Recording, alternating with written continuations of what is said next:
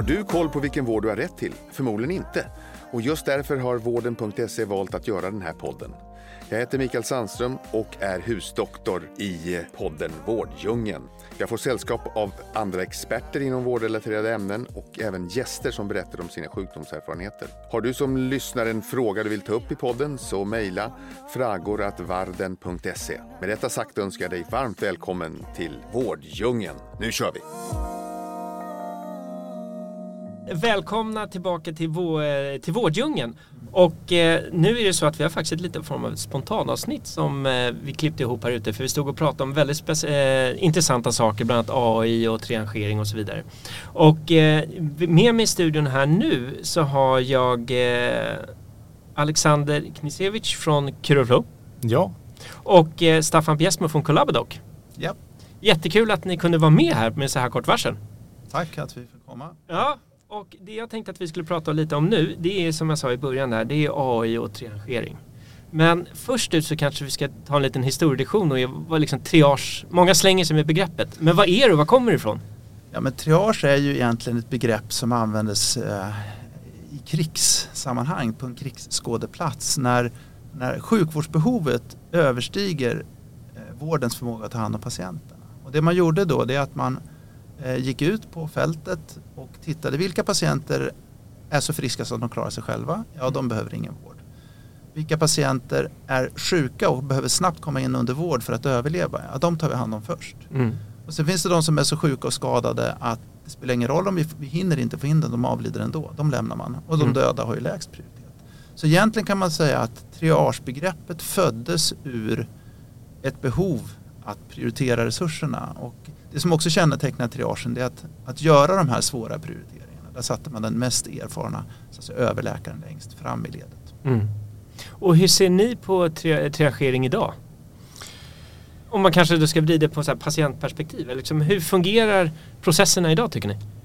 Ja, det finns väl alltid utrymme för förbättring och eh, det är ju många som, som brottas med den här frågan. Eh, triage används ju ofta i sammanhang av resursbrist, att, att det mm. blir ett medel för att ja, på något sätt hantera den resursbrist som finns och kunna hjälpa de människor som har störst behov då. Ja. Så. Nej, men, nej men så är det ju och triage man kan ju ställa sig, är man lite spetsig kan man ju säga sig befinner sig Sverige i ett konstant krigstillstånd så att vi behöver triagera. Liksom.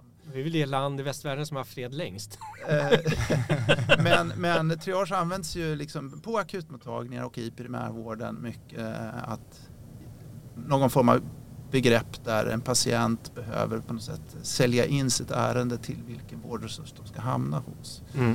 Eh, I den förhoppningen att man tror att det är resurseffektivt. Mm. Kan man säga. Mm. Och innebär, Vilket inte alltid är. Men och när, du, när du säger det på det sättet, spontant får jag ju tänka på att det ställer ganska mycket krav på patienten att de ska veta hur de ska navigera sig igenom det här. Om man nu vill ha hjälp. Ja, alltså det är ju ingen patient Eller? som själv har efterfrågat triage, mig veterligen. Det är inte så här att nu vill jag ringa till vårdcentralen och bli triagerad. Och bli utfrågad här.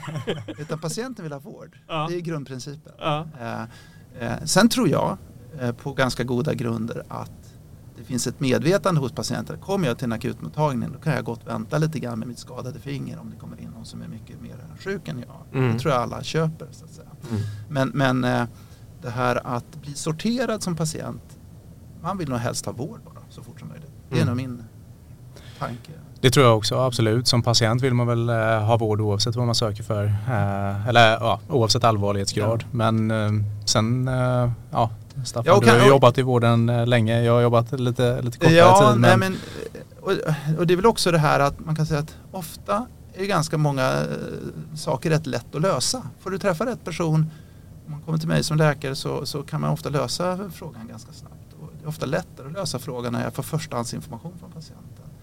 Eh, har patienten varit tvungen att berätta det för fem, sex, sju personer innan så blir både patienten frustrerad och jag får också mycket mer information att ta hand om.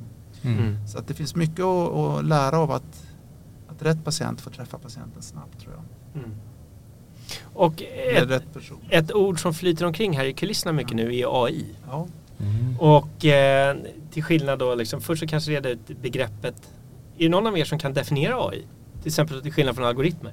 Ja, vi kan säga att det är artificiell intelligens. Ja. Förkortning ja, för det. Ja, bra där. bra liksom. Ja.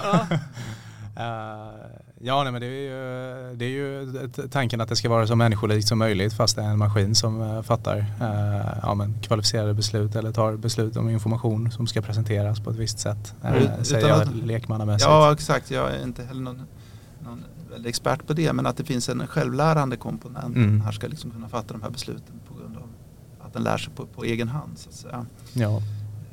Och det är ju ett väldigt hypat ord och inte ja, man kan säga de senaste månaderna så är det ju inte bara i den allmänna debatten att AI nämns i positiv bemärkelse utan det finns ju mycket säkerhetsfrågor och Elon Musk och en del andra säger att vi ska stoppa utvecklingen. Det är början på världens undergång. Ja, exakt. Extinction of the planet. Ja. Ja. Men hur långt har det här kommit inom triangering och vilken roll tror ni, ser ni att det här kommer kunna spela in i den redan befästa processen? Mm. tank, tanken är väl från början tror jag kanske för några år sedan att tänk vad bra man behöver inte ens man behöver inte ens träffa en fysisk person, inte ens en fysisk person. Det är bara en algoritm som kan hänvisa patienten till rätt nivå. Mm. Eh, min känsla är väl att kanske entusiasmen har lagt sig något in det senaste året. Eh, kring det här. Jag vet inte vad du säger Alexander? Jag, jag, jag, jag, tror ju absolut eh, att, eh, att AI är framtiden även i sjukvård eh, på alla möjliga sätt. Men där vi befinner oss idag så skulle jag säga att vi är inte i ett skede där vi kan autotriagera patienter med hjälp av AI i första linjens vård. Mm. Det finns bra tillämpningsområden för AI Verkligen. i vården. Vad skulle du se, vilka, för, precis, vilka, vilka områden ser du som är fördel att använda i? Nej men det finns ju exempel då man har använt det exempelvis för att upptäcka bröstcancer och sådär. Mm. Uh, men, men jag tycker att när, när det handlar om, om människors liv och hälsa uh, mm. då måste det ju vara ställt bortom allt rimligt tvivel att, att det här systemet gör en korrekt bedömning och det är ju väldigt väldigt svårt för att de AI triageringarna eller autotriageringar eller vad vi säger som finns på marknaden i Sverige idag som faktiskt används av regioner. Eh, det, det, de håller inte måttet tycker Nej. jag helt enkelt. Så, så, så, öppen och ärlig får jag ändå vara, eh, vara här för att eh, du måste få så mycket data från olika källor. Det räcker inte med att patienten som är okunnig egentligen om, om allt den bör veta vad den mm. ska svara den här datorn uppger information om, om, sina tillstånd för att en dator då ska fatta beslut om egenvård eller är du prio 2 eller prio 3 mm. eller 4. Mm. Nej, men jag, jag håller helt med dig där. Dels att AI är ju både här för att stanna och kommer att utveckla och kan verkligen vara i mänsklighetens tjänst och sjukvårdens tjänst på ett bra sätt. Men en förutsättning för det är att det är väldigt hög kvalitet på indata. Mm. Till exempel om man tittar på en röntgenbild eller någonting man kan mäta och väga väldigt tydligt och göra det repetitivt. Då kan man få bra algoritmer och få bra skattningar. Men pratar vi triagemodeller till exempel i primärvården så bygger det på vad patienten säger eller patienten uppger. Mm. Och jag har ju jobbat mycket i primärvården själv och eh, kommunikationen en patient har till en läkare är ju inte bara det de säger och uppger utan mm. det är hur patienten rör sig i rummet, eh, hur jag uppfattar patientens mimik, patienten kanske ändrar sin berättelse. Eh, och jag har väldigt många fler ingångspunkter till hur jag ska diagnostisera patienten och där det finns ingen algoritm i världen som kan ersätta det tyvärr. Eller tyvärr, mm. det är som det är helt mm. enkelt. Ja, och, och den stora frågan just inom primärvården som har, många i den här avsnitten idag så har ju, många har ju pratat om tillgängligheten mm. och hur man alla jobbar på olika sätt och det här med AI är ett sätt att avlasta kanske så att tillgängligheten ska öka eller så vidare. Men om man ja. säger så här från ert perspektiv eh, för att lösa, för att få upp tillgängligheten mm. Vad, vad, är, vad, vad, skulle man göra? Man, det låter som på er att AI kanske inte är det första alternativet, den lägst hängande frukten i det här.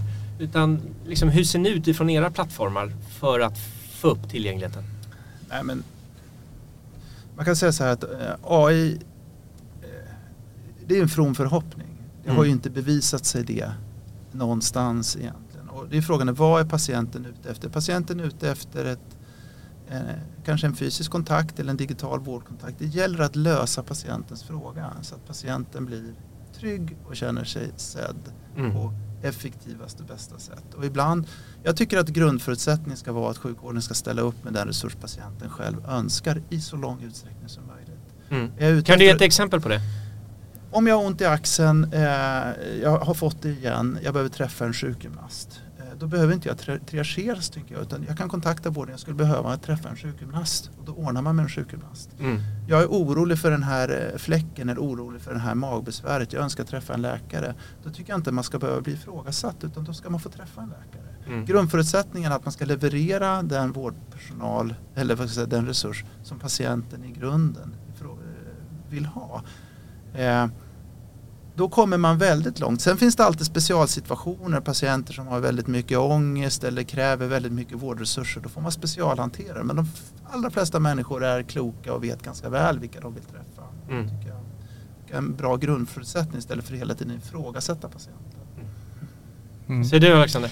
Ja, men jag, eh, om man pratar plattformar som jag, som jag jobbar med och, och försöker hjälpa vårdgivare att effektivisera sina dagar och eh, patienter att eh, få en högre tillgänglighet så, så tycker jag att ta bort all administration som går att ta bort. Vad kan vi vad kan vi digitalt eh, möjliggöra så att man eh, kanske slipper eh, ta upp eh, ja, status och anamnes, att det kan komma in asynkront, att du kanske slipper skriva delar av journalanteckningen, att ett system kan eh, framställa mm. det, mm. att du kan samarbeta effektivt med kollegor eh, inom organisationen, att Eh, kallelser aldrig någonsin mer ska behöva gå ut via brev. Nej, det där blir jag fortfarande frustrerad för. Jag får gå någon gång i halvåret till läkaren och jag får alltid några kallelser. Jag kan ju aldrig den tiden. Så då ringer jag och bokar av mm. och sen kommer det nytt förslag på mm. tid som jag inte heller kan. Mm. Och till slut så får jag ringa och boka en tid. Nej men det, det är ju så. Ja. Menar, det, det, men det är två papper senare. Ja och det, och det borde du kunna själv då dels få din digitala kallelse och sen kunna gå in och boka av eller boka om mm. själv. Mm. Nej men jag håller helt med dig Alexander. Det, där har ju liksom leverantörer av digitala tjänster, där har ju vi ett ansvar att ta fram väldigt användarvänliga, enkla, intuitiva lösningar som fungerar både för patienter och vården. Mm. Och där finns jättemycket att göra. Men jag menar också själva grundansatsen. Hur ser mm. vården själv på sitt eget uppdrag? Att patienten ska vara välkommen också. Det tror mm. jag är viktigt. Mm. mm. Och om vi ska ta och blicka fram ett år, så att vi sitter här om ett år igen. Mm. Vad, vad har vi kommit i den här frågan då tror ni? Har vi kommit någonstans? Jag hoppas ju att man, att man kanske har... ja, vad, vad säger du Alexia? Har vi kommit någonstans? ja. Köpte du tid där? ja, ja, jag köpte mig tid. Nej, men, men eh, var vi är eller vad jag hoppas är... Eh, ja, man kan säga så här. Eh, nu är jag på Vitalismässan. Det kanske ni vet. Ja, ja, ja, ja, ja. Det är väldigt lite patienter här. Ja. Och det är väldigt lite kliniskt verksamma alltså, läkare och sköterskor här. Mm. Utan, utan det är eh, jag skulle hoppas om ett år om jag kommer till talet att det fanns mer patientrepresentanter, mer mm. patientperspektiv än mm. systemperspektiv och också mer vårdarbetarperspektiv. För då tror jag att man hamnar mer rätt också i de digitala lösningarna. Um, så att de som faktiskt ska jobba med systemen som köps ja, in här Exakt. är här de som jobbar med systemen Eh, och hur de vill, för, och jag menar eh, Alexander du lyfter fram det här att minska admin, eh, administrationsbördan. Det är ju suveränt viktigt liksom. Och man väljer ju inte ett vårdyrke för att man vill administrera, man väljer vårdyrke för att man vill träffa patienter. Mm, mm. Och, och liksom göra något bra för medborgarna. Mm. Och, så jag tror mer, mer form av sån interaktion, det tror jag är toppen. Ja, men jag, i, I grunden håller jag väl med eh, Staffan eh, i det man kan hoppas på med ett år. Jag hoppas att, att AI-utvecklingen gått framåt. Eh, jag tycker det är bra. Jag tror på det på, på längre sikt. Ehm, men och här på mässan vore det ju trevligt med fler personer som jobbar i verksamheterna. Jag, jag är lite tveksam till den här patientnärvaron här även om det var väldigt roligt. men, Ställ en diagnos. Ja, Monter 1B. Det, Nej, men det, kanske, ja. det, är inte, det är inte en gång här på mässan som jag har hört det är, det, det, är flera, flera gånger som jag pratar med personer från verksamheterna som är besvikna på vad man har gjort på ledningsnivå då. Mm. Äh, vad man har fattat för beslut, hur man ska jobba, vad man ska införa och sådär. Och mm. så, liksom, lyssna på de som, som jobbar äh, någonstans. Lyssna på dem på golvet ja. som tar hand om patienterna, vad de behöver. Mm. mm. Eh. Ja men det är, väl, det är väl så, ska man få full nytta av alla de fördelar som nya system innebär så måste ju alla vara med på resan. Ja, så är det. Men sen är det kanske mm. också en eh, Alltså en, vad, vad är viktigast här? Är det mm. viktigast att eh, sjuksköterskan och läkaren och fysioterapeuten har ett verktyg som de gillar så att de kan öka tillgängligheten för patienten om det var det som var frågan. Ja, ja men ja. precis. Um, eller finns det andra hänsyner som får väga tyngre? Mm. Och, uh, där tycker jag liksom att vårdmedarbetarens liksom vardag skulle synas starkare i, i den teknikutveckling som sker. Sen håller jag med dig, AI är här för att stanna. AI är bra, används redan inom väldigt många områden inom hälso och sjukvården som fördjupas. Eh, men, men ehm, ja, vi får se AI-triagering. We'll mm. Ja, en grej, det finns ett buzzword till i sjukvården. I Vad är det då? Interoperabilitet. Det hoppas jag att vi har kommit. In, det måste... Intero... Intra.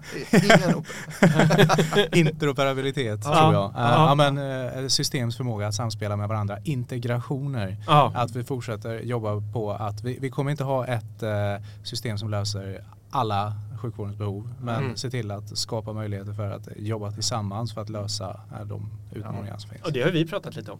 Ja, verkligen. Ja. verkligen.